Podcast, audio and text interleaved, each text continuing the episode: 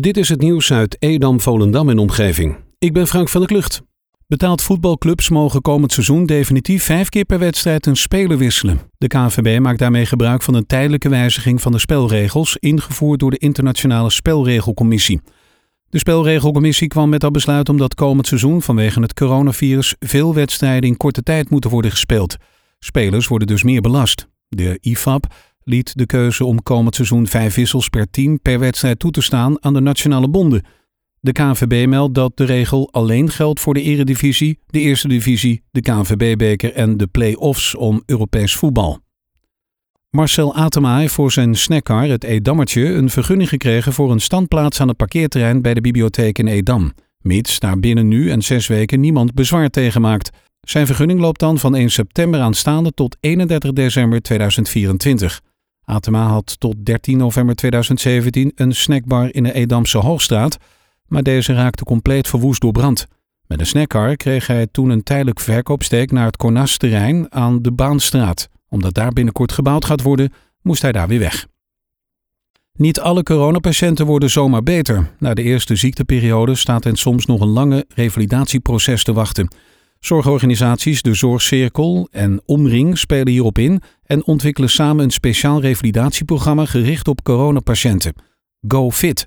Het revalidatieprogramma richt zich vooral op ouderen die langdurige problemen krijgen met hun longen, hun conditie kwijt zijn of juist psychologische klachten als toegenomen vergeetachtigheid na hun ziekte. Deze mensen kunnen door het ziekenhuis of hun huisarts worden doorverwezen.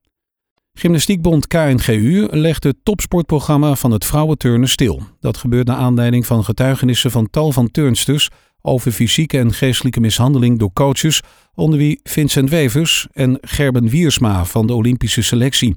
Volgens de KNGU-voorzitter Monique Kemp is het een noodzakelijk besluit. Concreet is dat Wevers niet meer welkom is in de turnhal om zijn dochters Sanne en Lieke, Vera van Pol en Naomi Visser te trainen. Bondscoach Wiersma is niet bevoegd een selectie voor het EK dit najaar samen te stellen. Wat de consequenties verder zijn voor topsturnster Sanna Veerman uit Volendam is nog niet helemaal duidelijk. De 17-jarige Roy uit Purmerend is deze week onder bedreiging van een mes van zijn scooter beroofd. Hij is niet de eerste uit zijn gezin die dat meemaakte. In de afgelopen twee jaar zijn drie van Roy's broers hetzelfde overkomen, al hoefden ze niet allemaal hun spul af te staan. Het is de tweede scooter die Roy verliest aan diefstal in korte tijd. Vijf maanden geleden was zijn geparkeerde scooter ook al gestolen. Vlak voordat Roy beroofd werd, zouden twee vrienden van zijn broertje door dezelfde jongens zijn aangehouden op een scooter. Gelukkig konden zij ontkomen. Volgens Ramon, de vader van Roy, voert een groep van tien jongeren al een paar jaar de straatroof uit. De politie kan op dit moment nog niets zeggen over het onderzoek naar de daders. De drie auto's die zondagavond in beslag zijn genomen voor onderzoek rond de dood van de 14-jarige Tamar zijn teruggegeven. De politie onderzoekt nog één beschadigde auto. De auto's werden aangetroffen op Marken en zijn van één familie. Johan Muren, advocaat van deze familie, kan bevestigen dat alle drie de auto's zijn vrijgegeven. De zoon is die bewuste nacht van Monnikendam naar Marken gereden. Hij is daarom opgeroepen als getuige. De auto's zijn grondig onderzocht en er is geen enkele aanwijzing dat een van de auto's betrokken is geweest bij het ongeval. De voormalige ambtswoning op Westzijde 134 in Zaandam werd in december deels gesloopt zonder dat daar een omgevingsvergunning was aangevraagd. Hierdoor legde de gemeente Zaanstad de verbouwing stil. Deze week werd bekend dat burgemeester en wethouders de vergunning nu wel hebben ontleend. Amstelvest was de eigenaar ten tijde van de stillegging. Wie de nieuwe eigenaar is, is nog niet bekend.